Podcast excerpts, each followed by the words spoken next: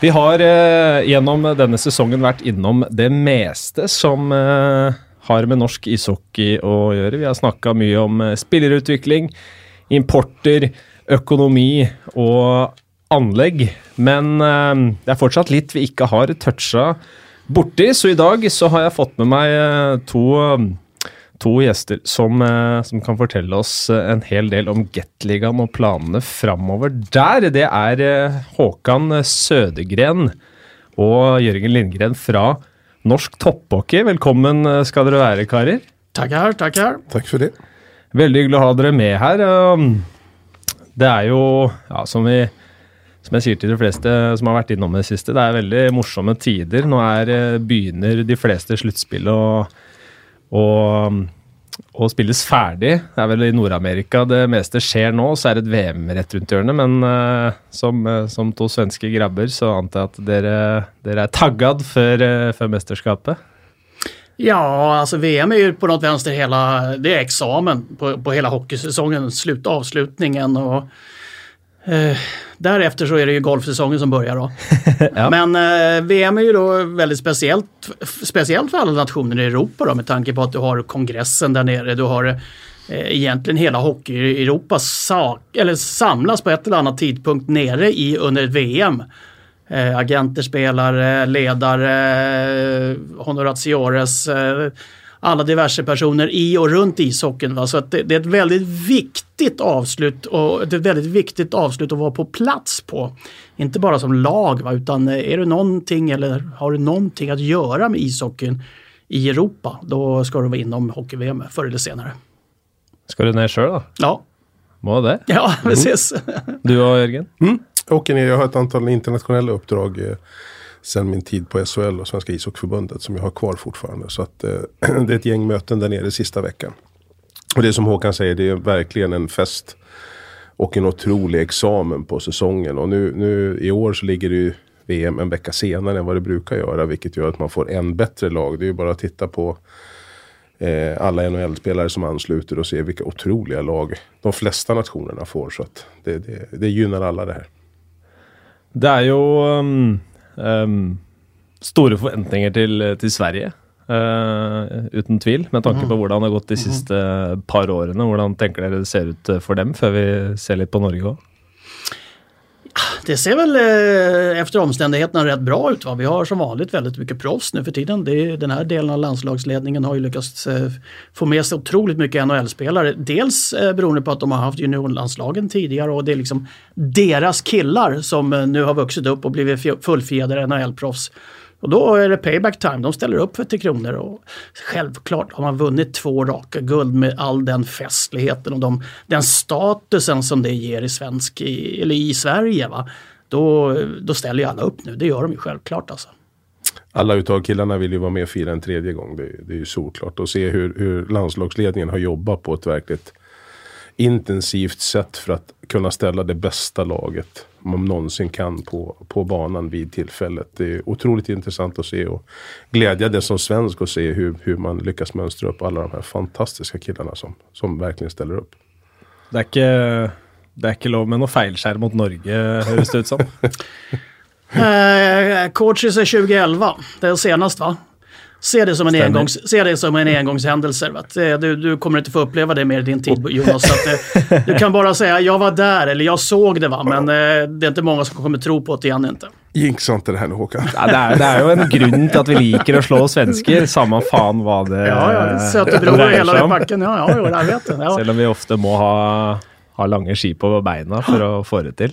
Ja, jag har bott här i 21 år. Alltså jag säger det, det, den största mentala träningskursen eller tränings, eh, träningsdelen eh, som finns, det är bo här under ett vinter-OL.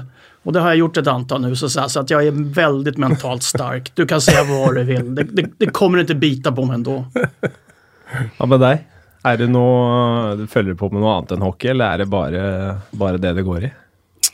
Nej, det är nog det mesta ska jag säga. Sen, jag följer innebandy lite grann för min, min yngsta dotter spelar det. Eh, men, men annars är det bara ishockey. Tenker om eh, Norge, Håkan. Troppen ble jo eh, offentliggjort eh, forrige uke. Ja.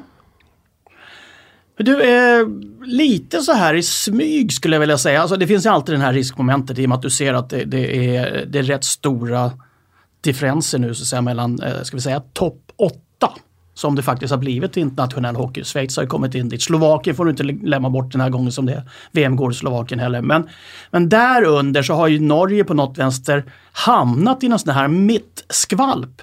Alltså du är 9, 10, 11, 12 någonstans. Du löper inte kanske riktigt den där stora risken om du inte har ett helt sanslöst dåligt VM. Att åka ur och rycka ner kanske. Men det är fortfarande lite så att du, du, du når inte ända upp och du når inte kanske ner i, i riskzonen heller. Men då glömmer man lite tycker jag att man har faktiskt genomfört, tycker jag, ända sedan Team Roy till Team Petter nu, en liten utskiftning av det gamla gardet. Så att jag tycker att Norge har faktiskt startat lite på en, en, en, en, en liten ny utveckling skulle jag kunna tro. Där man kanske närmar sig den här äh, topp 8 lite mera. Och man framförallt distanserar sig lite från 12 till 16 platsen som jag tror man gör nu för tiden. Vad tänker du eh, Jörgen, sånn, eh, kanske med, med det att klara att eh, uh, kutte ned gapet lite? Hur Uh, hvor, hvor, det, uh, satt upp mot de nationer som, som innehar topp 8. Vi snakka en del om det i förra podcast med Schweiz som uh, ja, det er vel en 10-15 år de har eh, jobbet veldig målretta, investert mye i eh, U-landslagene der også. Veldig god oppfølging som har gjort dem til en, eh, til en ganske frykta hockeynasjon, får man nesten si. Mm. Nej, men de har lyckats och nu kan du ju inte räkna ut dem i något junior-VM. Än heller likväl i ett senior-VM, för de är med där i, i, på en väldigt hög, hög nivå. Det, det är som Håkan säger att jag tror den där mellangruppen där måste någonstans ta några skritt upp för att täta igen det där gapet. För annars så blir det ju ett vad ska jag säga, topp 8-VM och det vill ju ingen ha. Utan alla vill ju ha bra matcher, intensiva matcher oavsett om du möter en toppnation eller klassificerat bottennation då. Och det, jag tycker Schweiz är ett bra exempel där för att se vad de har gjort på, på sina U-landslag. Och verkligen tagit tag i de bitarna. Och det är egentligen det Sverige gjorde 2000, tillbaka på 20, tidigt 2000-tal. När man höll på att åka ur på, på junior-VM-delen och verkligen ta tag i den biten och lägga ett program för unga killar. Ja. Har du någon ingående insikt i liksom vad som har blivit gjort där? Alltså, jag, jag får inte sagt mer än att de har, att de har gjort grep och investerat mycket pengar. Men, eh, men själva jobben som har gjort det, har du någon särskild kunskap om det? Ja, framförallt så, alltså de har ju följt både det svenska och det finska systemen och sett väldigt mycket upp på dem. Eh, för att eh, man, man börjar då i tidig ålder med just fysisk utveckling. Eh, man lägger ner enormt mycket resurser då först framförallt kan vi säga 16, 17, 18, 19 när det kommer upp i den åldern med nationella samlingar. Lite just i det här systemet. I Sverige heter det russinläger. Min finska är för dålig för att jag kallar, kallar vad det heter i Finland. Men du har, du har alltså samma, samma sorts system. Va? Du har en massa, det kallas konsulenter i Sverige som är ute och tränar eh, klubbarna på Eh, klubbnivå, hjälper deras eh, lokala tränare, kommer med, med inspill, kommer med eh, övelser, hittar då så att säga en utveckling för de befintliga tränarna på klubbnivå. Sen plockar de in spelare både lokalt och regionalt på träningsläger. Och sen får de tillbaks den informationen ut till klubbarna igen och sen så börjar man då så att säga sakta men säkert fylla på de här utbildningsnivåerna som, som eh, Eh, man har det på spelarna i alla åldrar. Och Finland gör det på samma sätt, går lite mera in på individuell utveckling forwards, backar, målvakt. Medan Sverige kanske lägger som alltid lite mer spekter på lag. Va? Och det har Schweiz också tagit ut precis samma egentligen eh, grundman grundmall för hur man ska göra. Eh, så att det är det jobbet och sen är det som alltid, det finns inget litet liten punkt som är viktigare än en annan. Va? Utan det är det att man är väldigt långsiktiga och att man jobbar efter en modell under ett långt, långt tidperspektiv för att det överhuvudtaget ska ge resultat. Hur långt unna är vi den typ av uppföljning för klubbarnas del på yngres nivå i, i Norge? Har man resurser till det? Ja, jag som har varit lite längre än Jörgen ska väl kunna säga det. Att eh, förhoppningsvis skulle jag säga, men jag tror inte för ögonblicket att vi riktigt är där. Eh, jag tror att både förbundet vill det. Jag känner ju Petter väldigt väl och jobbar närmare honom, Salsten. Eh, jag vet att han tittar väldigt mycket på sånt här. Eh, hela den utvecklingsavdelningen tittar på det. Men eh, jag tror att resurserna för tillfället är för få. Vi ska också glömma det, eller vi ska inte glömma det som är kanske det viktigaste i det hela. Du har fortfarande det stora problemet att du har inte tillräckligt många isflator. Du måste komma tillbaka till det. Det, det. är där det hela börjar. Finns det ingenstans att börja åka skridskor, ja då börjar du inte spela ishockey heller. Ja, dere kommer jo fra et uh, land hvor uh, uansett hvor lenge man kjører gjennom en skog, så etter hvert så vil du komme til en rundkjøring og et skilt som peker mot en ishall. Tack och lov! ja, och ändå kanske med svenska mått mätt så kanske det är för få ytor ändå. Ja. För att liksom föda på. Det är klart att vi har väldigt många isytor, men, men jag tror att när du sätter det där samman så så saknar även, även Sverige isytor för att någonstans kunna fylla på. För det är klart att om du, ju tidigare du kan börja med att du får barn som börjar i Sverige kallas det Tre Kronors Hockeyskola. och jag menar att du får börja där och att man fyller på den basen. Ja men då finns det ju mer människor hela vägen upp i toppen. Så att jag tror att det där är, eh, det är väldigt viktigt att se till att man har så mycket ytor som möjligt där man kan vara på och prova på. För det är ju världens bästa sport. Det är fantastiskt roligt att åka skridskor och så lära sig börja lira hockey på vägen. Det här, det här är ett, eh, ett unikt tillfälle i Norge faktiskt. För att det, det, måste man ju faktiskt påpeka nu att här finns det ett, det finns infrastruktur, du har ekonomi, du har mark, du har eh, befolkning på vissa ställen, du vet var alla bor. Och ska man en gång börja bygga ishallar åt varje, åt folket så att säga, då ska man inte bygga en ishall. Du ska bygga en hall med två isytor i. Du ska bygga en träningshall, en matcharena. Eller som i Sverige, som är kanske grunden för svensk ishockey. Du bygger en ishall, punkt slut. Den är ingen multiarena, den är ingen tävlingsarena. Det är en ishall. Det är dit folk åker och tränar och spelar ishockey. Den kan användas till vanliga saker, andra saker på sommaren eller till ishockey. Men fundera inte på så mycket vad du ska bygga för någonting. Start och bygg någonting och sen får du se vad det blir. Men se till att det finns en isyta som folk kan åka på skridskor på.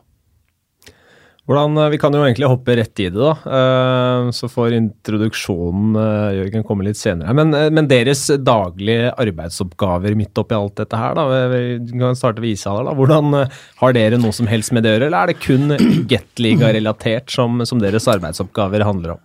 Ja, för min del så är jag daglig ledare då i Norsk Topphockey AS.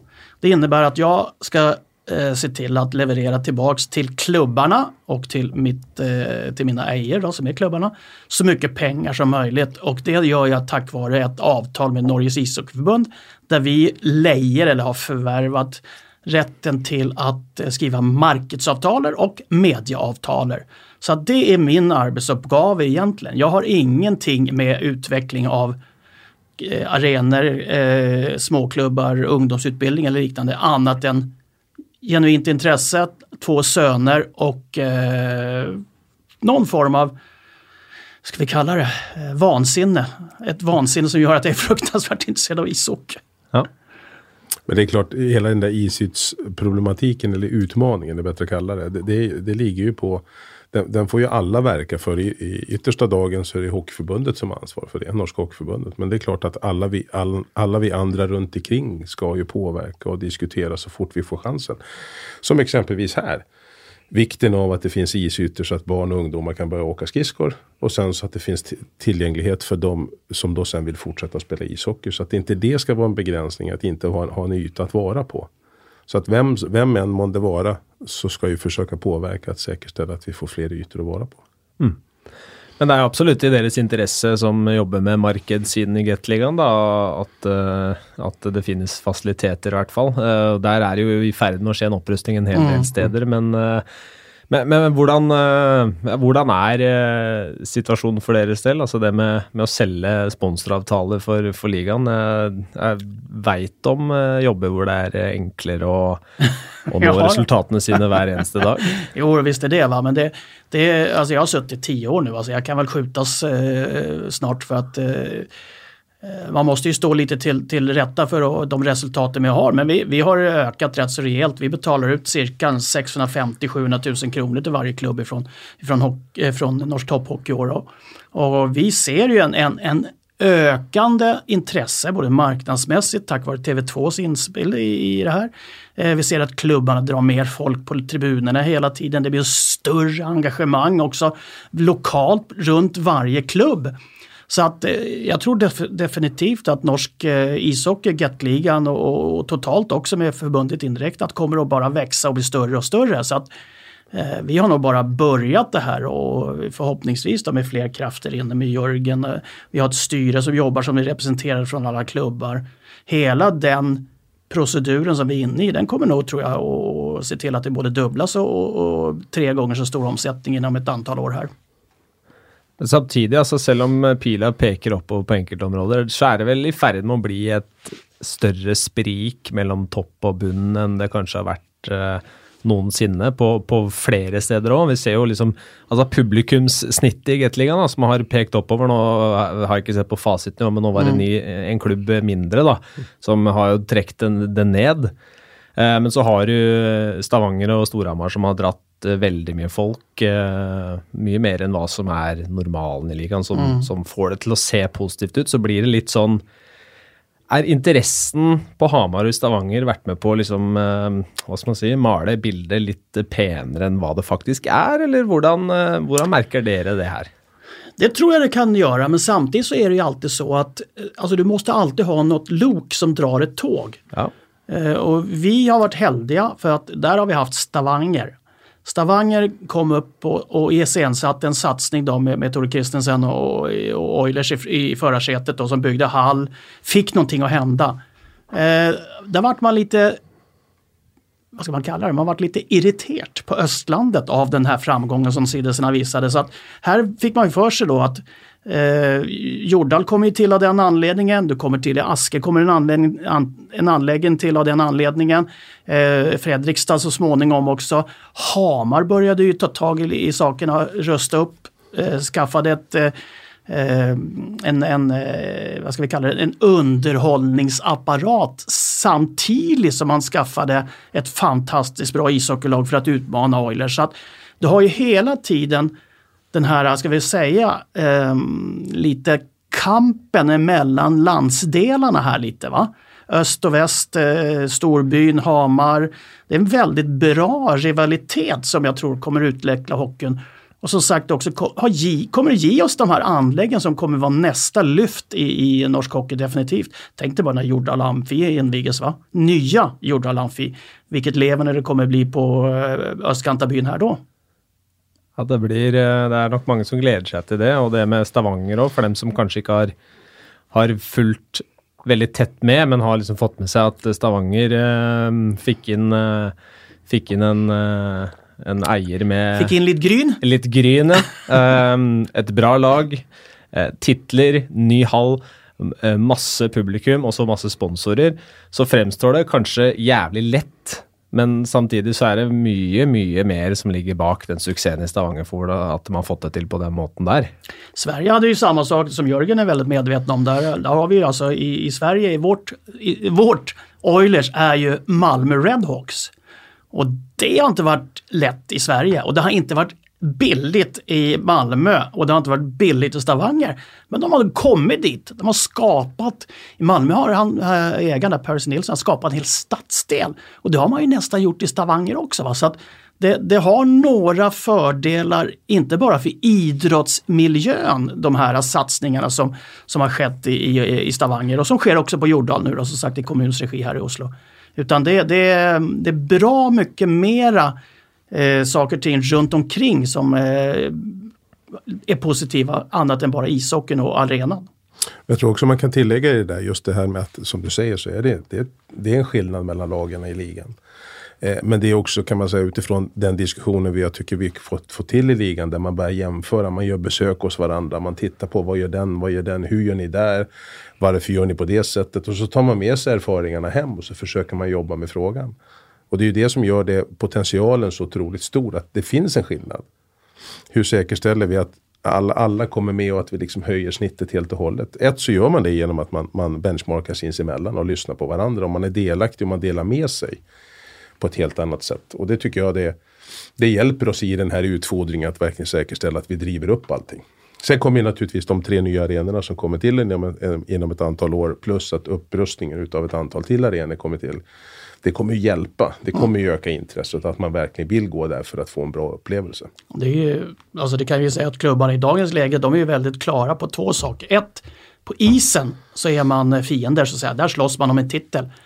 Utanför arenan, där måste man samarbeta för att och, och lyfta sporten. Och det är man rätt klara på och det har liksom de senaste ett, två åren har det tagit fasta lite mer. Så att eh, nu är man eh, nu är man på, på, ska vi kalla det, på ett, på ett väldigt stort samarbetsforum just genom eh, norsk topphockey kanske framför allt.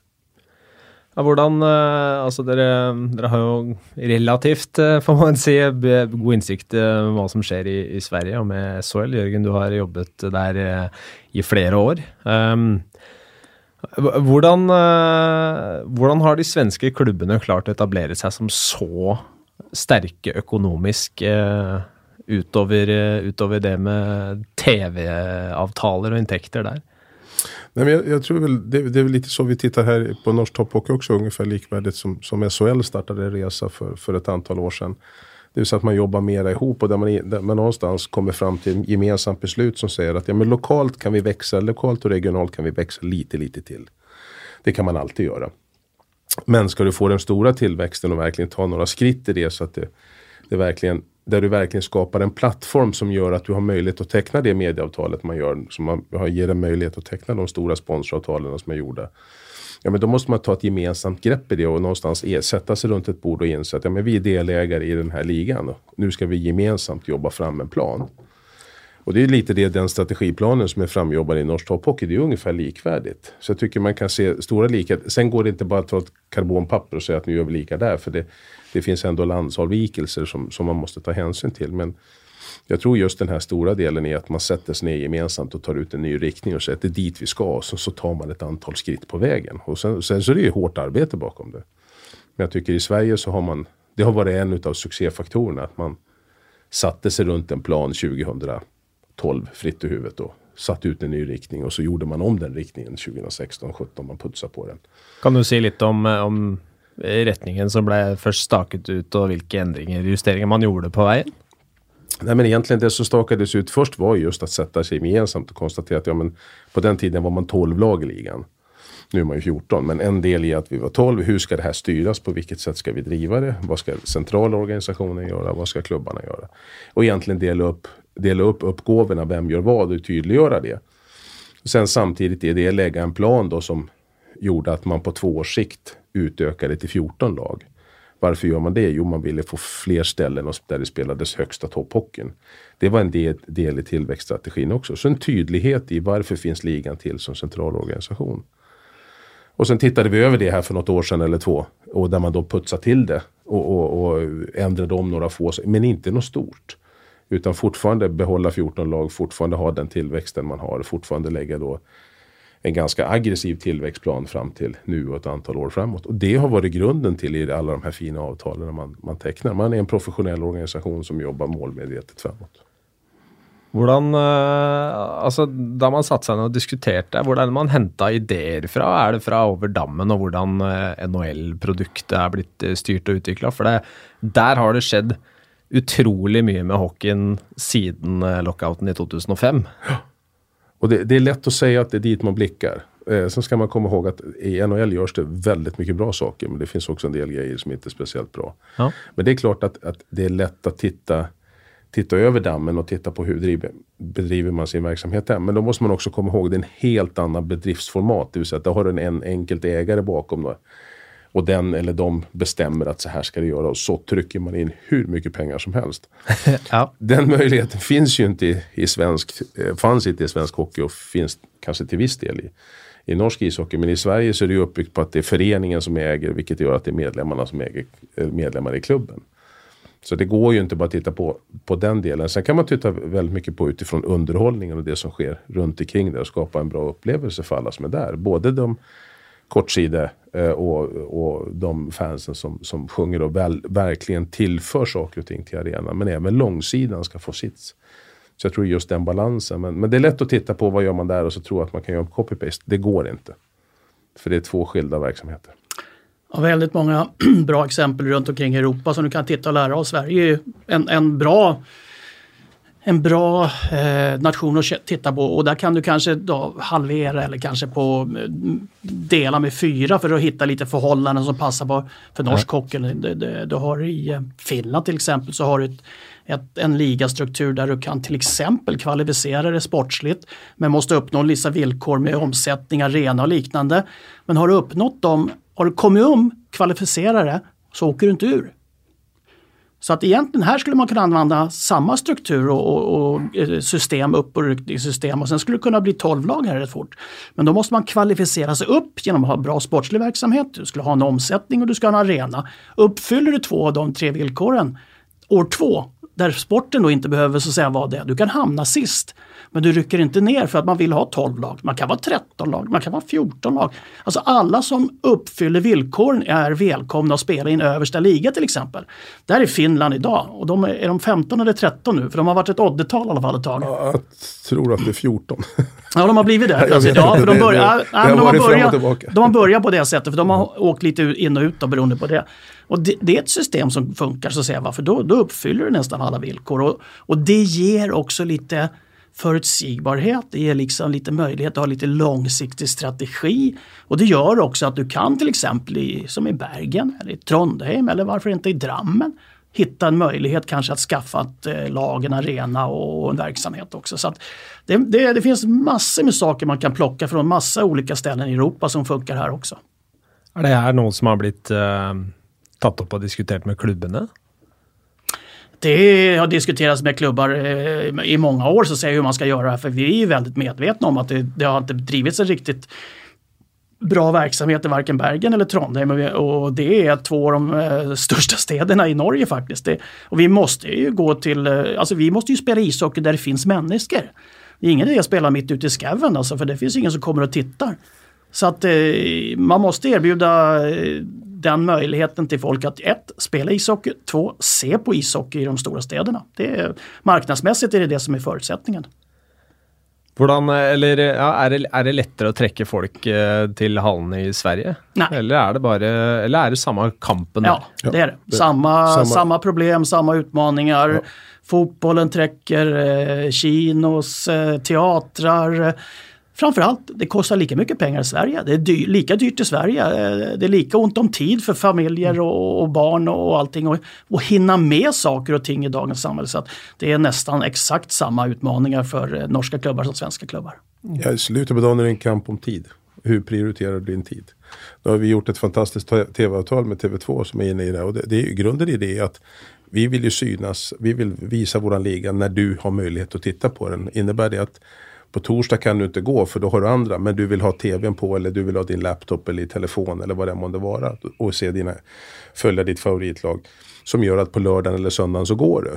Vi ska ju finnas tillgänglig och det är därför alla de här avtalen har kommit till genom hela Europa. Det vill säga att vi ska finnas tillgänglig när du har tid att titta på oss. Så det är, i slutet på dagen så är det en kamp om tid. Vad, vad är det um, SHL-klubben, eller de, de bästa klubbene i Sverige har gjort för att bli vinnaren av denna? Tidskampen? da? Det er enkelte punkter som kanskje liksom ikke trenger å nevnes, ja, sånn som Leksand. eh, Med tanke på befolkning rundt eh, ha- hallen der, så er det jo nesten bare Altså, det er jo sinnssykt hvor mye folk som er är og ser på romantik. kampene. Det är romantik. De har lyckats väldigt bra. Ja, Nej, men i slu- många det är samma sak där. Det är otroligt hårt arbete. Ja. Där man har jobbat enormt hårt som, som gör att publiksnittet, nu den här säsongen som har varit så har det ökat igen. Eh, och jag tycker, ser du på alla klubbar så lägger man ner enormt hårt arbete varje dag.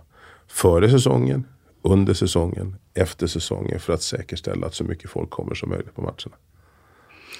Väldigt många klubbar arbetar väldigt, väldigt tätt med sina supportergrupper. Ja. Eh, har otroligt mycket utväxling och information, eh, Eh, tips, råd eh, hur man ska göra. Alltså allting från eh, diversifierade priser, kat- priskategorier på olika matcher, erbjudanden på arenan, tifos. Alltså det, det, det, det slutspel som var med Frölunda och Djurgården i SM-final, alltså det var ju en det var ju en fröjd för ögat. Gick du inte dit för att titta på ishockey så gick du dit för att uppleva stämningen. Eh, och det är ändå det som är skillnaden. Vi, vi pratar alltid om att vi vill att det ska synas på tv. Det, ska vara, det, det, det är viktigt. Ja. Men det är viktigare också att det är bättre än hemma på arenan. Och det du aldrig kan uppleva framför tvn. Det är den stämningen som är på arenan. Det är alltså den eh, vad publikum ger matchen och vice versa där man då försöker att bygga någon form av spiral på, på eh, hur, en upplevelse helt enkelt. Jag tycker det kan man se på, precis som du säger och refererar till slutspelet som var nu. När, när, du tittar på det på tvn. Alltså det går ju rakt igenom. Du sitter ju på andra sidan tvn och känner naturligtvis inte samma känsla som du gör fysiskt i arenan. Men det byggs ju upp en enorm stämning och det, det är det som drar. Det vill säga att du vill dit och vara, vara en del utav det. Du vill vara närvarande, du vill vara en del utav den stämningen och ta del utav det som händer där. Vi var ju, eller jag är ju så äldre så jag får, jag får ju gå på ishockey när jag vill. Ja. Uh, oavsett om det är Sverige eller Norge. uh, men alltså uppleva då det som upplevdes ute i Askerhallen här, va? Det, det, var, ja. det var mäktigt alltså. Det är magiskt. Va? För att det är ingen som trodde på det, inte från jul och framåt, men de kände på något vänster att det är möjligt. Va? Det kanske funkar. Och så hela det crescendot då till slut med det, det avgörande målet, allting sånt där. Men, men så det, det, det, är lite av den där upplevelsen, den, den kan du aldrig få på TV. Du kan få, tro, du kan få tro och du kan få Eh, du kan, du kan misstänka hur det är. Men du upplever aldrig det vi fick göra som var på arenan. Nej, det var fantastiskt. Vi var två matcher frisk i Asker och tittade. Det var helt magiskt att titta på det. Och den stämningen som är. Och så få den där kampen mellan de olika supportrarna där det sjungs ena stunden så ska det överröstas. Och så se mm. här, när det spelades musik, ja men då drar man ner musiken för det är bättre, bättre liv på, på läktaren och publikum som är där. Så det, Skal man få det sånn uh, oftere, så er man jo nødt til å, å få, uh, få, en uh, mye større del av, av, lokalbefolkningen til å bli en del av menigheten. da. Hva, hva er, hvordan får man til det, utover at produkter på isen skal selvfølgelig være best mulig? det er investeres i storskjermer. kiosktilbudet er kanskje Ja, det er vel kanskje stor uh, forskjell der også. Nå er jeg ikke helt kjent med akkurat det. Men, men hvordan uh, får man folk til å Altså de som var i Askerhallen nå, da, og det var stappfullt. Ja. Uh, hvordan trekker de dem i september igjen? Det är en utmaning. Det är det definitivt. Men du har det här magiska ordet som ska lösa alla problem i världen för tillfället. Digitalisering. The main word. Nej då, det, men det, det, är en, det, är en, väldigt viktig del av det hela för att vi är väldigt upptagna av just våra digitala eh, apparater nu för tiden, telefoner framförallt och sånt där. Va? Och det gäller ju att liksom komma igenom hela det här mediebruset på något sätt. För att du, du, du som sagt, vi slåss om tiden hos människor. Eh, vi måste ge människor vad de vill ha vid det tillfälle de kan. Eh, vi måste ge dem informationen om det. Eh, enklaste sättet att ge dem den det är digitalt via telefon, eh, appar, dator, mail, hela paketet. Eh, så att där är nummer ett. Och sen när de väl kommer på arenan så måste de uppleva det vi pratar om här, att, att det är något speciellt att vara där.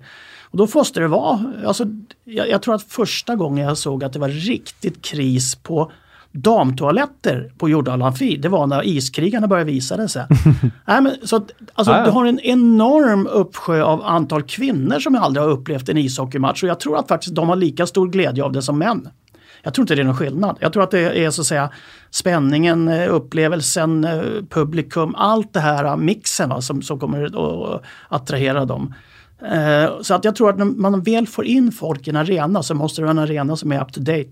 Du måste i pauserna så att säga inte tro att folk ska kunna sitta och slöva bort 18 minuter. Du måste ge dem ett erbjudande att de kan se något på jumbotronen, att de kan gå ut och handla någonting som de vill ha, någon glädje av. Eh, och du måste kunna ge dem någonting som de också kunde ha gjort hemma. Ska de ha tillbud om att kunna göra i hallen. Och då menar jag inte att jag går och öppnar kylskåpsdörren, men något liknande. Kanske kunna ta en pilsner eller något liknande. Så, sagt. så att det, det, är trots allt det. Du måste alltså göra det lite bättre på arenorna än vad du hade att ha det hemma eller på andra tillfällen då, där du har kunnat spendera din, din eh, fritid. Akkurat uh, det siste du var inne på der, det er jo et, uh, en debatt som deler, uh, deler verden. Nei, enkelt, Norge. Ja, ikke deler, verden. Ja, deler, verden. ja, deler Norge, selvfølgelig. Um, hva, hva, tenker Altså, jeg skjønner jo hva, hva du, hvor du står i den debatten. Jeg antar at du står i samme bås, Jørgen. Ja, hva, hva sier dere til de som mener at alkohol och idrott inte har någonting med varandra att göra? Ja, det, i sådana fall så åker de inte långt utanför Norges gränser så ofta inte. För det, där är det en helt annan verklighet. Ja, eller så är de i alla fall inte Holmenkollen i Nej, precis. Eller liknande. Och det kan väl, tack och lov att de inte är det kanske. Nej, men jag, jag tror att det, det, alltså det, det råder någon konstig tolkning om att direkt det kommer in öl på en arena så är det fyll och fanteri. Ja. Alltså så är det ju inte. Eh, du- går du på restaurang så går du inte dit för att dricka 12 pilsner. Du går dit för att ta en matbit och en öl kanske. Eh, du kanske tar ett glas vin till maten. Och, alltså det är ju den, det är ju den verkligheten vi pratar om. Det finns ingen som, eh, framförallt så har du priser som gör att folk kanske inte ska ha råd att dricka så mycket på en arena. Så där har du ju en möjlighet att justera då problemet i sådana fall. Och vi har också eh, vakter, det finns eh, både låsta och utna, öppna utrymmen där man har möjlighet att servera efter, efter eh, vad man bestämmer sig om. Så att, jag, jag tycker att diskussionen är lite paradoxal eh, i ett land då som eh, lever mycket på en eh, väldigt god bryggeriindustri. Eh, Men du ska inte få lov att serveras där människor är. Det, det tycker jag är lite konstigt.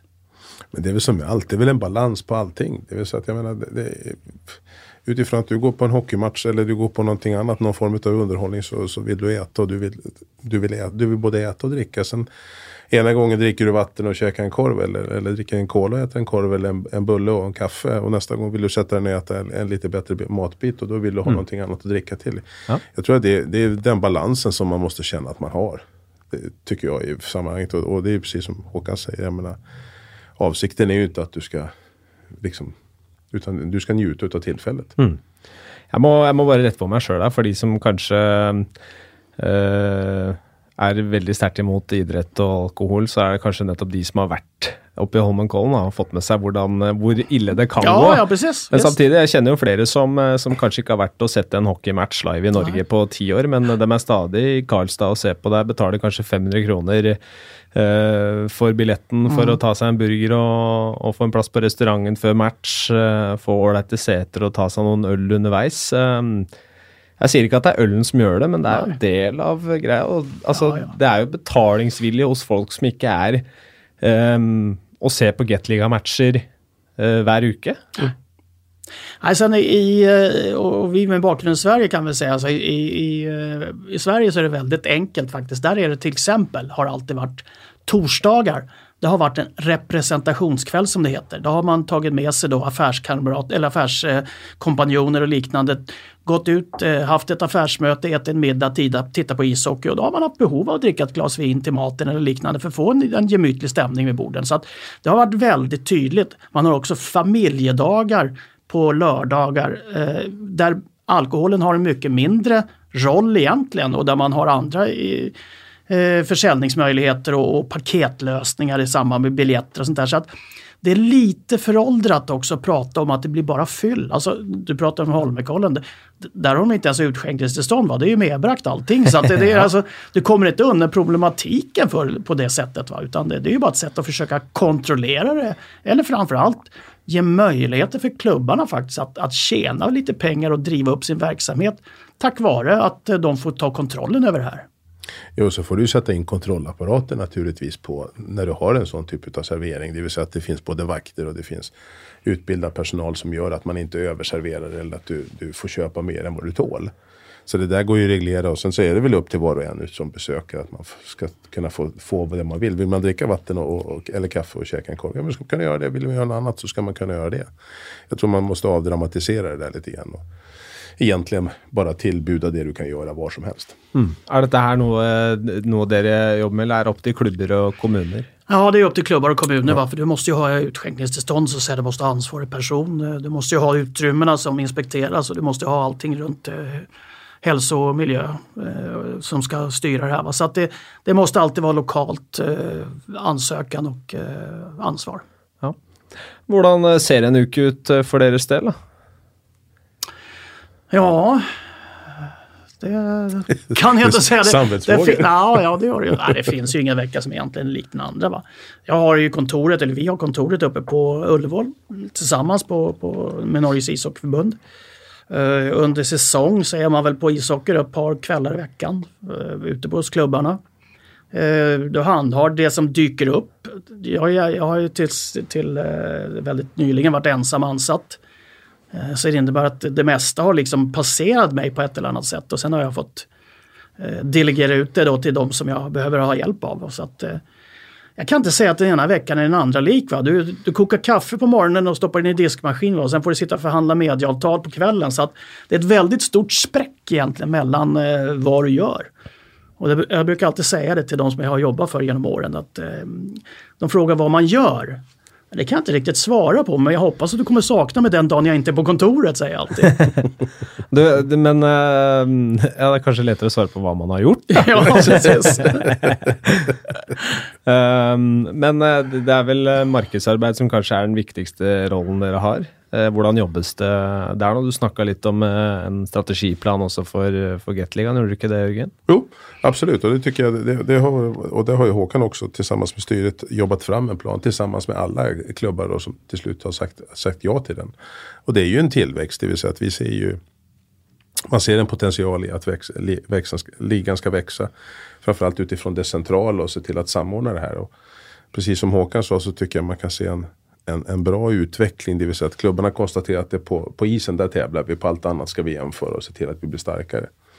Och det tycker jag med den planen i bakgrunden så, så ligger det nu, tycker jag, en bra strategi framåt för hur vi ska jobba. Och tillsammans med att intresset för hockeyn och norsk topphockey och Gatligan ökar. Mm. Så, så eh, vi har ett bra tillskådarantal tycker jag. Vi tycker att intressesiffran ökar och, och kliver uppåt på en på en bra nivå. Där finns det tydliga mål för vad vi ska vara om några år. Och då gäller det också hur jobbar vi där? Jo, vi får tillskott på arenor och vi får nyrenoverade arenor.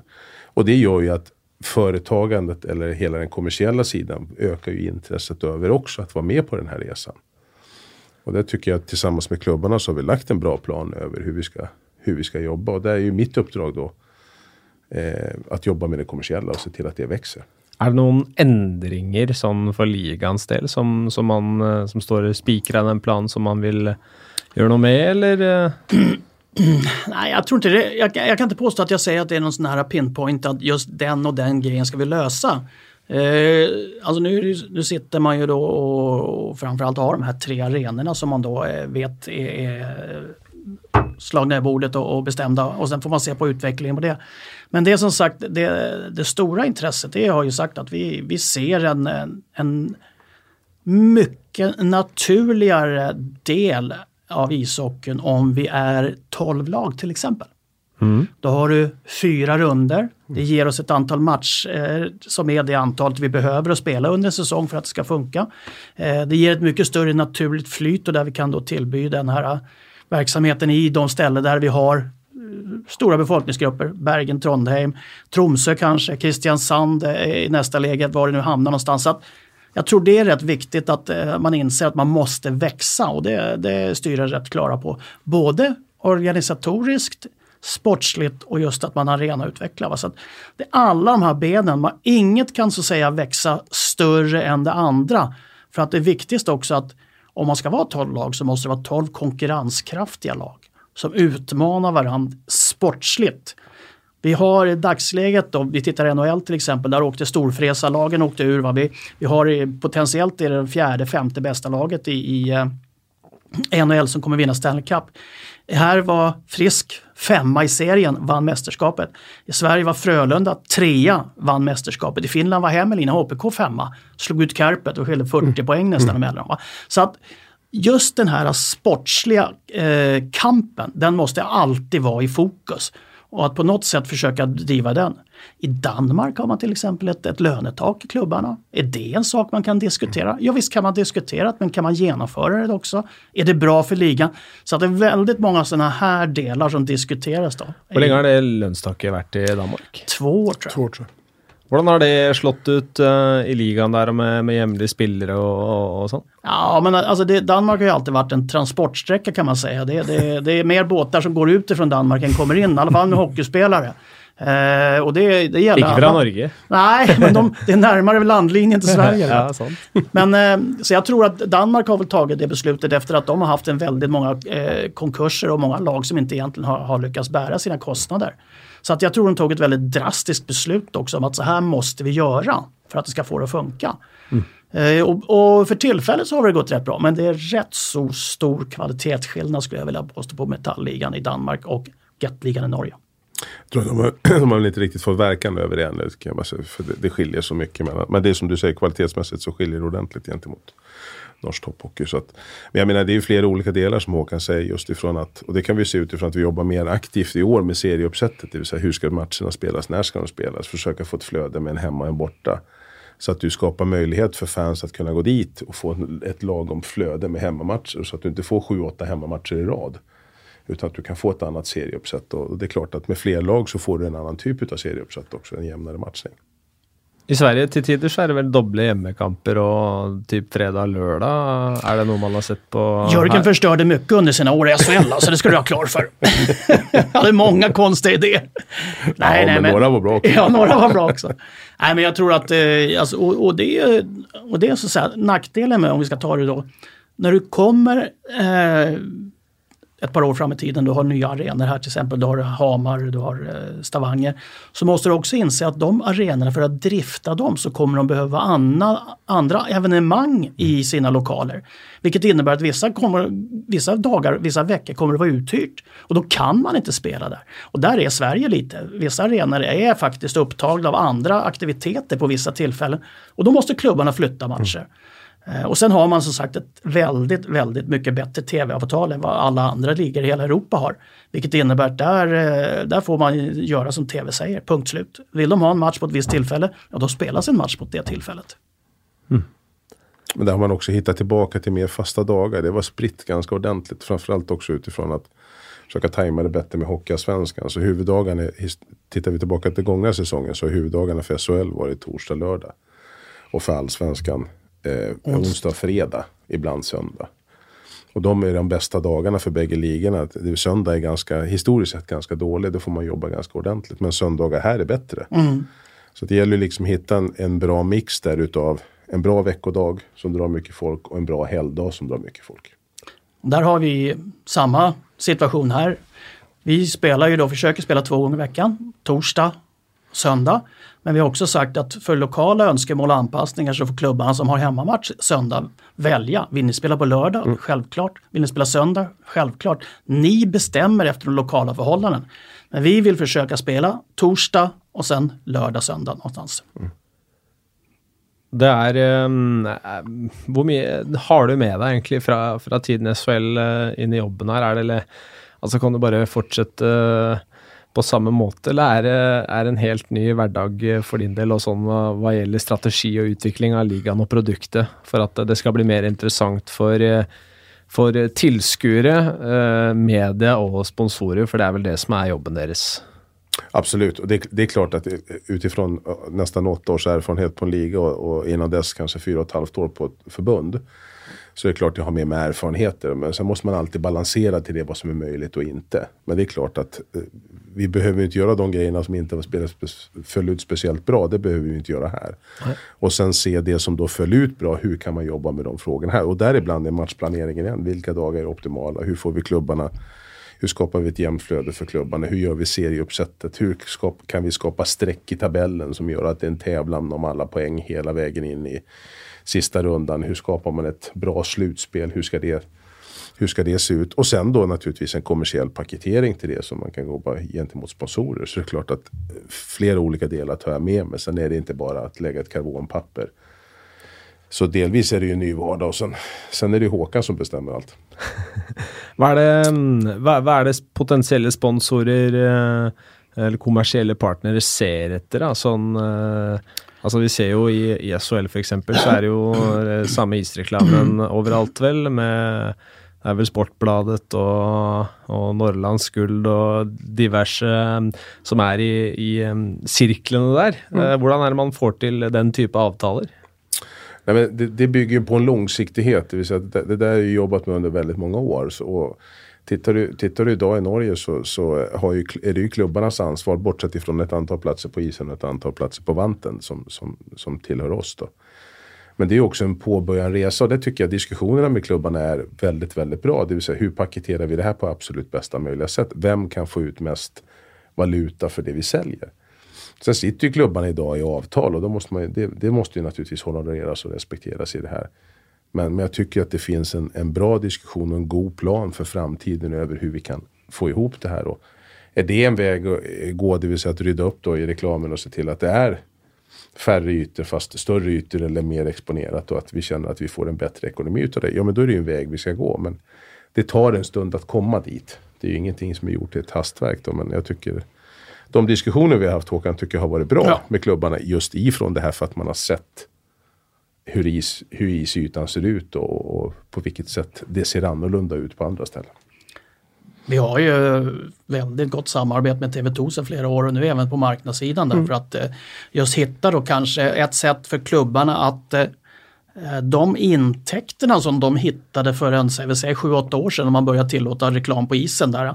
Att förflytta dem kanske på vand, förflytta dem upp på digitala ytor i, på tribunerna och jumbotroner och liknande. Och renska upp i, på isen då och försöka få den mera vit och, och enhetlig och säga, som du säger i cirklarna som man använder till leverantörer i Sverige till exempel. Eh, vi vill ju gå den vägen. Klubbarna vill gå den vägen också. Men sen måste ekonomin i det vara som sagt så att de får bättre betalt klubbarna än vad de har idag. Det är ju en självklarhet.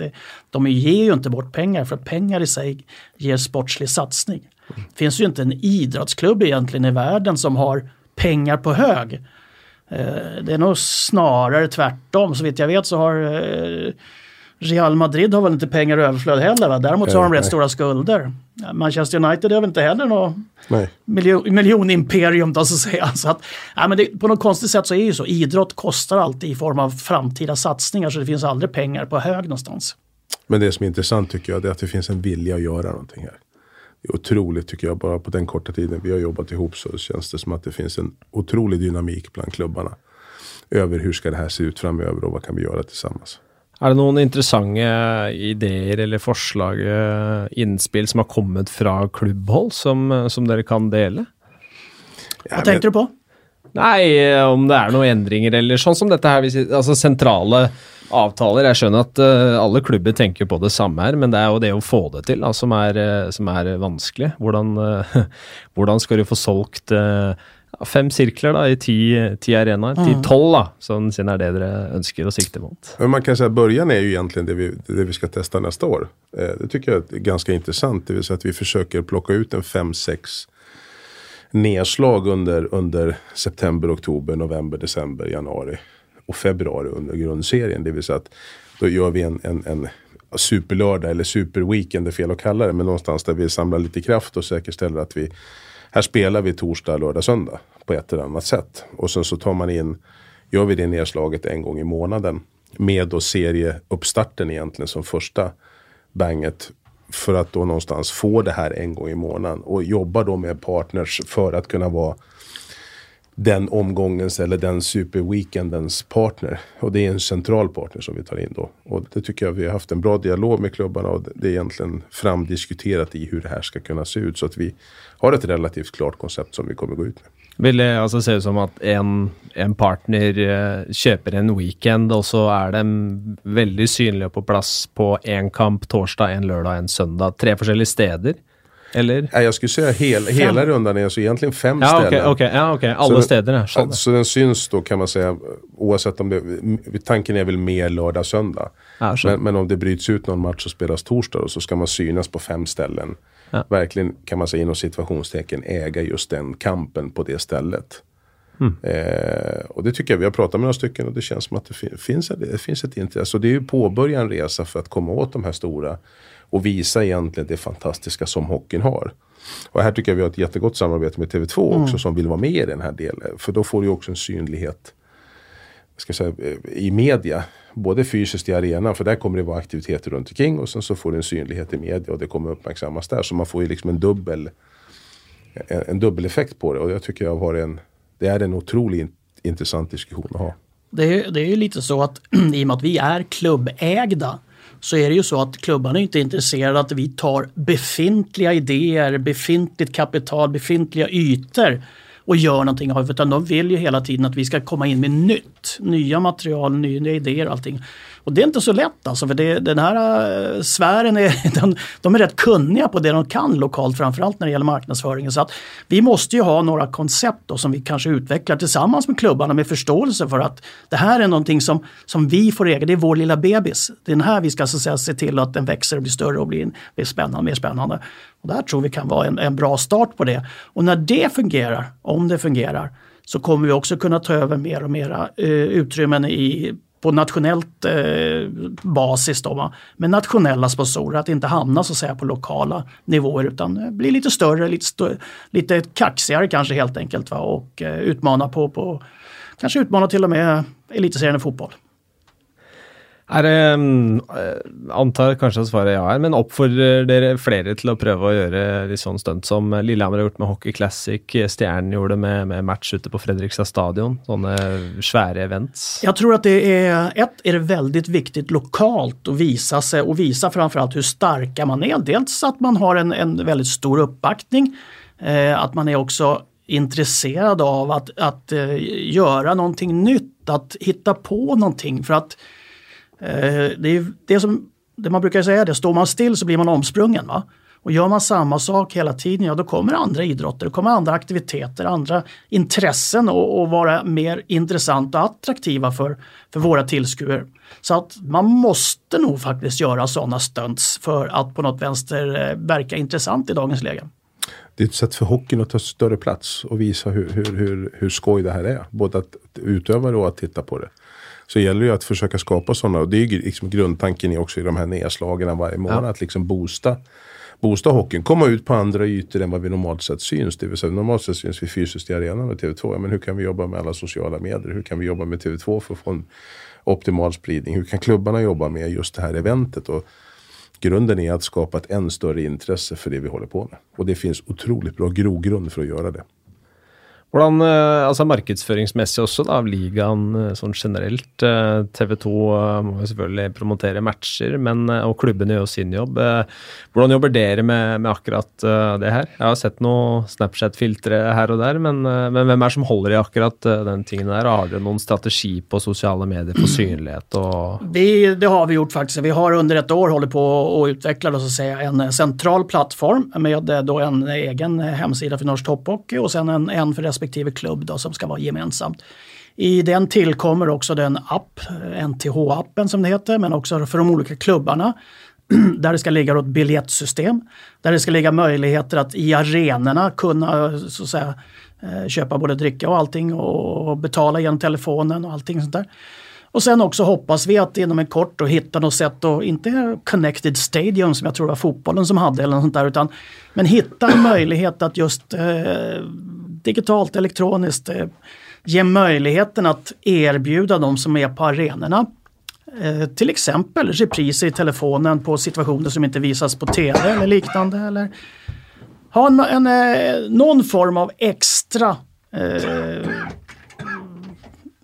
Sa jag för mycket nu? För nu var Jörgen tvungen att lämna studion. Nu, nu, gick jag för, nu gick jag för långt. Nu tror jag du sa något fel.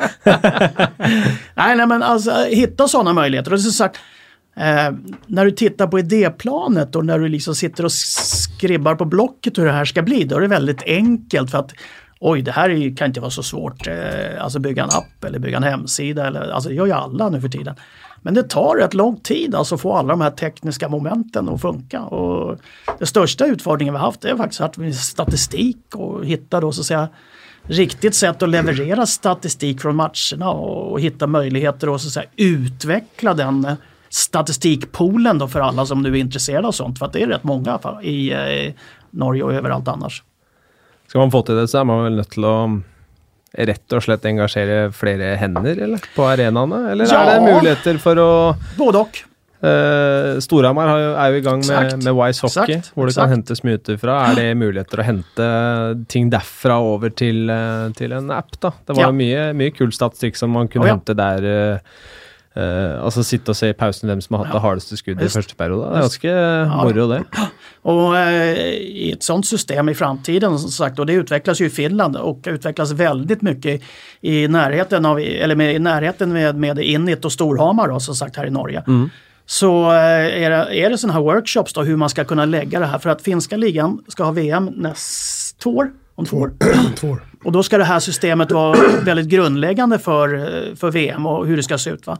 Och de är väldigt upptagna av att eh, säkerställa och ha någon form av testbatteri i norska ligan. Så att vi, vi är väldigt positiva till att försöka få in det här så fort som möjligt. För att det avlöser då så att säga oss från kraften att ha människor som ska sitta och se och, och anteckna här på arenan. Utan då, då kommer det automatiskt av eh, elektronisk avläsning.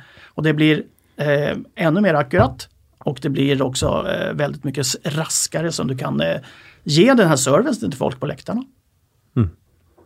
Veldig interessant. Eh, dritintressant för de som är nördar. Ja, det er eh, faktisk et godt poeng. Precis, och eh, väldigt svårt att säga om det egentligen har någon praktisk betydelse för utvecklingen av ishockey. Men det finns väldigt många mer som får ett intresse av det och kan hitta och leka med saker och ting. För tall kan man alltid hålla på och, och hitta olika lösningar og idéer ifrån. Ja, altså sånn Fra et TV-perspektiv så ser jeg i hvert fall eh, muligheten til å, Oh, ja. til å lage et mye bedre produkt sånn sett også. Vi, vi fikk vel se litt av det underveis i sluttspillet, hvor, hvor man fikk, eh, fikk opp statistikk fra skudd, f.eks. Ja. Eh, det, det gir oss mer å jobbe med, som, som vil være viktig tror jeg, for å få omfavne enda flere. Da. Time on ice. Är ett väldigt, det är ett väldigt kanske mest handgripliga momentet som tränare och coacher kan använda så att säga, för att se belastningen på spelare. Bara en sån sak. Så att eh, det finns en massa sådana här parametrar som är viktigt. Och, och sen är det, för att nämna elefanten i rummet då. Det går ju att använda till betting, eh, i bettinghänseende också. Va? Och det är som sagt det, det, det är en elefant i rummet som vi inte ska ta upp. Det var inte det jag sa när du började hosta va? Nej, jag var tvungen att... Jag gick ut där. Nej, men sen, sen tror jag, precis som ni säger, så är det ju för nördarna. Absolut. Men sen gäller det att kunna paketera den där statistiken Ja, så att det blir Ja. intressant i arenan även för den som är på besök för första gången. Riktigt. just hastigheten som, som är i hockeyn med hur fort åker man, hur hårt skjuter du, när täcker du skott. Alltså få fram den på ett sånt sätt så även Min- min- Corsi du drar fram da? kanskje? Nej, alltså och det är ju eh, hockeyn, alla, ja, hockeyn är otroligt statistiktokig. Ja. Och Corsi är ju något som, som är framtaget som jag, man kan ju fundera på om hälften som pratar om det vet vad det är för någonting. men det vet de säkert. men, men fördelen med den här som, som Vice, det vill säga det som testas på Storhammar, är ju också kunna göra den för att, för att berätta för den som är där första gången. Jo men när jag sätter mig i bilen och åker från arenan och kör 100 kilometer. Vad var det han sköt? Jo han sköt 150 kilometer. Kommer, Det- Den kommer genom bakrutan Ja, den helst. kommer genom bakrutan och kör om det ytterfilen. Alltså sk- skapa den någonstans Eh, visualiteten och så att man får en känsla. För det är ju samma sak, sitter du på läktaren idag och tittar på matchen så kan man tycka att ah, det där går ju lite långsamt. Gå ner och ställ dig vid vantet får du se hur fort det går och hur tufft det är. Så det gäller ju att skapa den känslan. Det kan man göra med den där, Mm. eh, med, med Wise-delen där som, som finns i en Wise Jeg tenker det kan brukes til, eh, til underholdning Ja. eh, i pausen Absolutt. eh, hvem har det hardeste skuddet når publikum? Ja. Hvem går kjappest på skøyter? Litt sånne ting, da. Jag vet inte om du har sett den rörliga, eh, eller den rörliga situationen där du kan se spelet bara med de här trekanterna som rör Ja, sig ja, ja, parallellt. riktigt, riktigt. Och du, du får liksom en lite annorlunda bild av ha, hur, hur liten del av banan som så stort antal hockeyspelare är på samtidigt. Och då förstår man att det helt plötsligt smäller bara i ett hörn och när folk kolliderar och liknande. Så att det, blir, det blir lite, det blir som du säger, visuellt blir det lite annorlunda. Du, du får en helt annat intryck av det när du ser det på den typen av eh, återblick. Er det, er det Altså, det er jo veldig kult eh, og kan brukes til mye, men er det, er det penger hos klubben her til å implementere dette her? Jag tror att det, antingen så får man hitta något sätt att investera i det eh, och eh, finner också någon affärsmässig lösning på det för att kunna hitta tillbaks de här pengarna. Eh, men jag tror att det är som alla, alla andra saker, du, du, du måste ta en liten risk. Eh, du kanske måste hitta någon privat investor som du säljer det här tillsammans med. Du kanske kan utveckla det tillsammans med en, en partner i, i lokalt uppe på Hamar som är intresserad av det här för att de har ett eh, brinnande intresse men också kanske ett, eh, ett närliggande närliggande aktivitet som de driver sin firma av. av. Så att, ja, jag tror att det kommer komma ett tag men det, det tar några, det tar ett tag. Det, det kostar en, eh, vad skulle, vad skulle det kosta, en halv miljon, 700 000 per arena? Eh, någonting sånt. Men jag tror för att få full effekt så är det ju, då, då får man ju titta på att göra en gemensamhet i det där. För det är klart att rulla ut det där på, på liganivå är ju otroligt häftigt. Både utifrån från nörderiet, att du kan nörda ner siffror hur långt som helst för tränarna och för, för, för lagen och för fansen på det sättet. Men även kunna jobba med den för att bredda produkten. Så Så er det jo deres, uh, deres jobb da, prøve å kanskje å se ting i et litt større bilde, hva som er best for ligaen på sikt. Men uh, hvis dere hadde klart å forhandle fram en avtale hvor Wise Hockey eller dette her ble dekket for alle klubbene, eller om eh, hver klubb fikk 400 000 kroner ekstra i cash før säsongen, mm. vad hade, vad hade klubbarna sagt? vad hade klubbarna sagt? Och då frågar man så här, vem är det som bestämmer? Är det tränaren eller styrelseordföranden eller marknadsavdelningen eller vem är det? Va?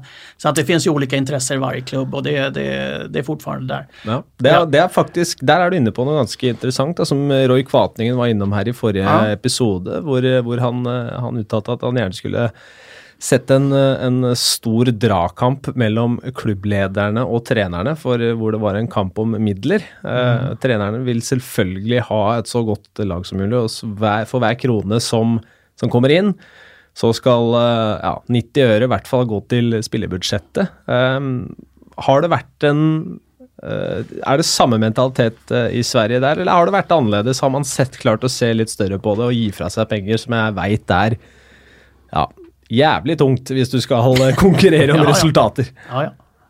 Nej, men det, det, är väl som med allt annat, du ska ha en balans på saker och ting. Det är klart du ska ha konkurrenskraftiga lag. Eh, sen måste, får man heller inte glömma, det tycker jag man kan se arenautvecklingen de senaste åren egentligen genom hela Europa. Är ju på det sättet att man förstår att ja, men vissa pengar ska gå för att utveckla sporten. Vissa pengar måste gå till att utveckla själva arenaupplevelsen. Ja. Och det är klart att då kan du inte skicka hur mycket pengar som helst till sporten. Utan jag, jag tycker man kan skönja, när, när, oavsett egentligen vilket land du än pratar med, att det är en större balans och en större diskussion kring hur ska medlen fördelas. Sportslig produkt, en hög sportslig produkt, eller en bra sportslig produkt säkrar ju naturligtvis en del av underhållningen. Och för de som kommer dit och tittar. Men sen måste du jobba med den andra delen också. Beroende på hur utvecklad du är på det ena eller det andra så måste du tillskotta mer medel. Jag brukar alltid faktiskt säga att jag är, jag är mäkta imponerad av, av Lillehammer. Lillehammer på något vänster seglar i sin egen sjö. De, de tar sina egna beslut. De, de driver sin verksamhet på det sättet de gör. Eh, de har haft en enhetlig klubb länge. De har alldeles nyligen eh, splittrat upp den, då, så att säga, elit och, och breddverksamhet.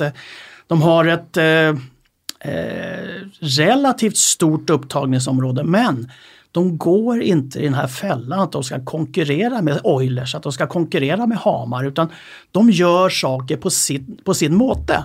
Och Det tycker jag är otroligt starkt av dem och framförallt så är det, alltså det är smart också skulle jag vilja påstå. Eh, jag tycker Vålrenga på något sätt ute nu när de hamnar i, i, ute på Furuset där att de, de har också anpassat sig efter den kostymen som de var tvungna att gå ner i på något sätt som har gjort att hela verksamheten funkar egentligen mycket bättre nu än vad den kanske gjorde när de var på, på gamla Jordal och hade rätt så stora eh, vyer och önskemål. Så att jag tror att det, det, finns mer och mer professionalitet i klubbarna som, som ser ut eh, efter förutsättningarna för sina respektive orter och sina respektive klubbar. Jag tror att det där problemet är, är avtagande på något sätt och jag tror att man är rätt så bevisst på hur mycket som ska läggas på sport eh, och eh, hur mycket som ska läggas på annan verksamhet. Men sen har du det som är det stora spöket. Och det är en tabellplacering vid jul. är den på fel ställe mot vad man hade önskat då, kan man, då öppnar många plånboken i onödan. Är det här, lite här den modellen dere presenterte i stad kommer in eller att uh, uh, hvor det är möjligt att rycka upp om du är sportsligt god nog och du har ekonomi och organisation på plats men du rycker inte ner. Är det för att ge, ge klubbarna lite pusterom för att bli eh, för att klara att utveckla sig. Samtidigt här så är det väl, ja, ofta, eller det är ju en fälla att gå i med att det blir en viloputt.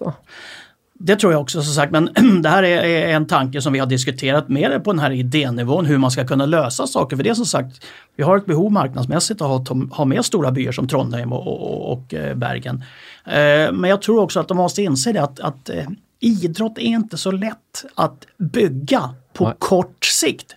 Det tar lång tid, det tar två, tre, fyra, fem år. Oftast en generation av spelare som kan vara väldigt goa. När de så att säga rycker upp en klubb tack vare att de har varit duktiga under ett antal år, då kanske de lägger upp, eller de är mätta, eller de gör något annat och då försvinner hela grundlaget. Och då måste man så att säga börja bygga upp en ny generation. Jag tror att det där måste man på något sätt hitta en, en möjlighet för klubbar att vara lite mer långsiktiga på. Och jag ser ingen nackdel med att man så att säga, ska kunna spela sig upp och sen hamna i i, ehm, i den processen att man får några friår eller liknande. För att du kan fortfarande ha möjligheten för klubben att rycka upp. Det är bara att det inte ersätts av ett annat lag. För det är som sagt, vi, om vi är 12, 14 eller 16 lag, det har ingen större betydelse. Jag tror att det vanskligaste är att jobba med ett oddetal bara. Det har vi lärt oss.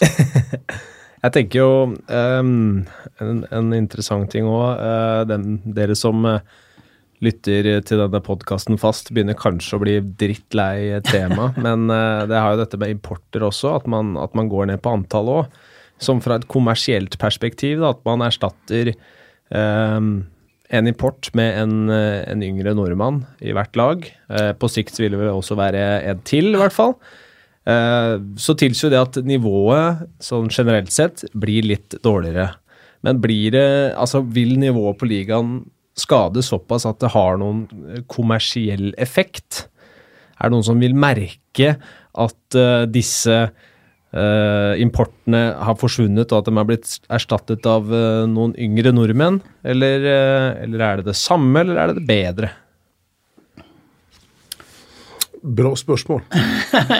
ja, alltså jag, jag har inga problem att, att, propagera för fler utlänningar eller för färre utlänningar. Jag, jag tycker inte det ska ha någon större betydelse. Eh, och det kommer ju ofta av att det kanske tyvärr inte produceras tillräckligt många hockeyspelare i det här landet som vi var inne på redan i början beroende på ishallar och, ja, ja. och allting sånt där. Och då, då, är det ju vanskligt att följa med den utvecklingen som ligorna har runt omkring oss i Europa. Det är fler och fler hockeyspelare i Europa generellt. Det är fler och fler, kanske både amerikanska och, och ryska spelare. Alltså det, det, är ett större rörlighet av hockeyspelare generellt. Inkluderat norrmän som drar utomlands. Eh, vilket innebär egentligen alltså att det här är en arbetsmiljö, det här är ett, ett, ett utlandsuppdrag, bara ett utlands, en arbetsplats på en utlandet som många eh, norrmän har. Många norrmän drar och är inte begränsade av att de inte får spela i andra ligor eller spela på andra, jobba på andra arbetsplatser. Och, och det borde ju vara samma förhållande tycker jag för ishockeyspelare, både som norrmännen har möjlighet i utlandet som utlänningar har i, möjligheter i Norge. Och jag tror som sagt inte att det här är någonting som eh, skulle löpa amok på något vänster för att det är fortfarande så att en utlänning kostar mer än en norsk spelare det är ekonomi eh, som avgör egentligen i det stora hela. För att det kostar inte bara lön att plocka hit den. Det är resor och sen kommer det koner, kommer barn, det kommer lägenheter, det kommer bilar och allting. Så det är en rätt stor kostsam eh, affär. Och det tror jag många ledare är väldigt medvetna om och, och har lärt sig. Och det var lite vad du är inne förut. Va? Vem är det som ska betala det? Hur mycket pengar ska flyttas till ena och andra sidan? Mm. Så jag tror att egentligen diskussionen har varit lite uppdramatiserad. Jag tycker inte den är speciellt stor eller allvarlig. Nej, och jag tror inte det just ifrån den här korrigeringen nu med än så tror jag inte man kommer se så stor, så stor skillnad på det sättet utifrån kvalitetsmässigt. Och så ska man ju heller inte glömma att de utlänningarna som är oavsett var de än spelar någonstans är ju mycket, mycket bättre idag än vad de var för, för ett antal år sedan. För att de vet oavsett vilket land de än åker till så kan de inte komma oförberedda. Vilket gör att de tränar, fler stannar till och med kvar och tränar för att man vet att man måste förbereda sig till tänderna för att klara av en säsong. Mm. Så jag tror kvalitetsmässigt så har det ökat genom åren. Det är ingen beer League det här inte alltså, utan det är professionell Nej. verksamhet. Dessutom ser många Norge som ett avstamp, speciellt då transatlanter, nordamerikaner, för vidare in Sverige, Tyskland, Österrike, neråt. Va? Så att, eh, av den anledningen så tycker jag att de utlänningar som klubbarna hämtar i, i, i de flesta tillfällen är väldigt bra, tillför väldigt mycket. Der er jeg ganske imponert nå. Du har jo um, Grønlund uh, som, uh, som, var i Lillehammer, ja. mester med Frølunda mm. nå. Mm. Cody Curran rett inn i SHL og mm. en av topp tre i mm. kåringen Årets Bekk. Oskar Nilsson fra Frisk Asker Årets mm. Bekk i Allsvenskan. Det er, uh, det er, flere eksempler på det her, og det er jo veldig hyggelig det. da. At, og Det man ikke skal glemme der, er at det de hadde med seg inn i Norge, har man ju så att säga efterdyningar av i Frisk, i Storhamar, i Lillehammer och allting. Så att, så att, det tillförs en hel del kunskap, erfarenhet, eh, eh, goda vanor som man kallar det i Sverige genom sådana här spelare som är professionella som kommer hit. Va? Så att det, det, det är liksom den, den andra eh, positiva sidan med, med utländska tillskudd. Sen tycker jag också visar utifrån Norsk Topphockey och Gatligan att det är en kvalitet på den när det är precis som de säger, de här killarna som har gått åt, åt andra hållet, tar de platserna de gör och en del har väldigt betydande roller i de lagen som de har kommit till när de är i SHL. Der um, um, Jeg skal avslutte helt her med et spørsmål fra Stein Erik eh, Stormoen. Um, ehm, han sier at det er mange gode diskusjoner i norsk ishockey nå. Uh, og det, det, har jeg jo selv vært med på å få høre gjennom hele sesongen, eller i, i mange år. Um, han har et lite inntrykk uansett at, eh, at uh, det er viktig å diskutere, men at det blir litt med diskusjonen av at ting skurer og går, at det blir veldig status ja. quo. Hvordan uh, er ditt inntrykk av det, Håkan, etter å ha jobbet med norsk hockey många år? Jag tror man eh, diskuterar fortfarande de problemen som vi diskuterade när, när vi kom hit eh, och när jag kom hit så sagt och det är ett, det är ett antal år sedan. Men samtidigt är det många andra frågor som har lyfts på sidan om och som då så att säga är kanske en liten del av en framtida lösning. Va? Så att, eh, men i huvuddrag så är det egentligen samma spörsmål som man diskuterar fortfarande. Men det är inte unikt för Norge. Jag var på en konferens i, i, i eh, Toronto, jag tror det är 2009. Och då varnade man i Toronto, eller i Kanada, för två saker. Ett, man hade för få arenor och de arenor man hade var för dåliga. Mm. Två, man hade problem med återväxten. Det var för få som började spela ishockey. Samma diskussion har du i Sverige. Samma diskussion har du här i Norge. Samma diskussion har du i Finland, Ryssland. Alltså de här problemen är nästan konstanta. Det är bara att de ändras lite efter förutsättningar hela året. Men diskussionen kommer aldrig eh, försvinna för den är likadan. Och det, det är alltså, vi har problem att hitta de stora talenterna för vi har så många andra idrotter som slåss om samma talent. Mm. Er, det, er det fortsatt situasjonen i Sverige også? At, for jeg hører fra flere hold her i landet også at det er færre som, som begynner på hockeyskolen enn hva det var for noen år siden? Ja. Jag tror man har, I Sverige har man haft ett skifte de, för eh, två år sedan tror jag, så vände det. Så att det var fler som började, primärt så var det tjejer som började. Mm. Ja, men nu tror jag man har haft en tillväxt nu de senaste åren, om, om än inte så stort, men man har haft en ökande, ökande mm. del i det. Och det är oerhört viktigt att, att, men då kommer vi tillbaka egentligen till det vi började från, från början, att det finns ytor. Eh, att det finns ytor och att det finns program för, för de unga tjejerna och killarna börja, börja, liksom få börja åka skridskor och verkligen komma in i den här sporten som är, är absolut den bästa sporten. Ja. Jag tror kanske jag ska ändra den podcasten här till uh, att den ska heta Bygg ishaller! ja. Men uh, ja, kanske vi ska ja. runda där. Det är kanske, kanske en uppfordring till uh, Norges Ishockeyforbund at kanskje det er et sted vi kunne blitt bedre enn svenskene på. Og prosentvis økning altså i, eller i rekruttering. Men uh, da må man eh, jobbe ganska hårt, da. Ja. Ja. Nej, men jag tror Tage försöker sitta på Stortinget där och ja, sitter och kommenterar och allting. Så att det, det arbetas ju parallellt på så många olika ställen och det är väl en av de viktigaste. Men det är någon sak, alltså jag ska inte dra ut på, på tiden här för Jonas, alltså, men, men eh, kostnadsläge i det här landet för att bygga en ishall är ju kanske dubbelt så mycket än vad det kostar att bygga samma arena i Sverige. Ja. Och det är klart som sjutton att det, det, påverkar ju saker också. Ja, det, är, det är därför det är så billigt att anställa oss svenskar. Vet du. Vi, vi tjänar inte så bra och vi förstår inte bättre. Nej, vi har... Uh på enkeltområdet malt oss inn i et hjørne der, får man vel uh, si. Um, jeg skal ikke ta noe mer uh, tid deres, uh, gutter. Dere får uh, stikke ut og jage penger for norsk ishockey. Men tusen takk for, for, tiden deres. Takk Jonas. Veldig hyggelig å ha takk. dere med. Takk til dere også som har vært med oss gjennom denne episoden. Gi oss gjerne tilbakemeldinger eller innspill på hva du vil høre om videre. Du finner oss på Twitter under To Hockeyprat. Takk for at du hørte på.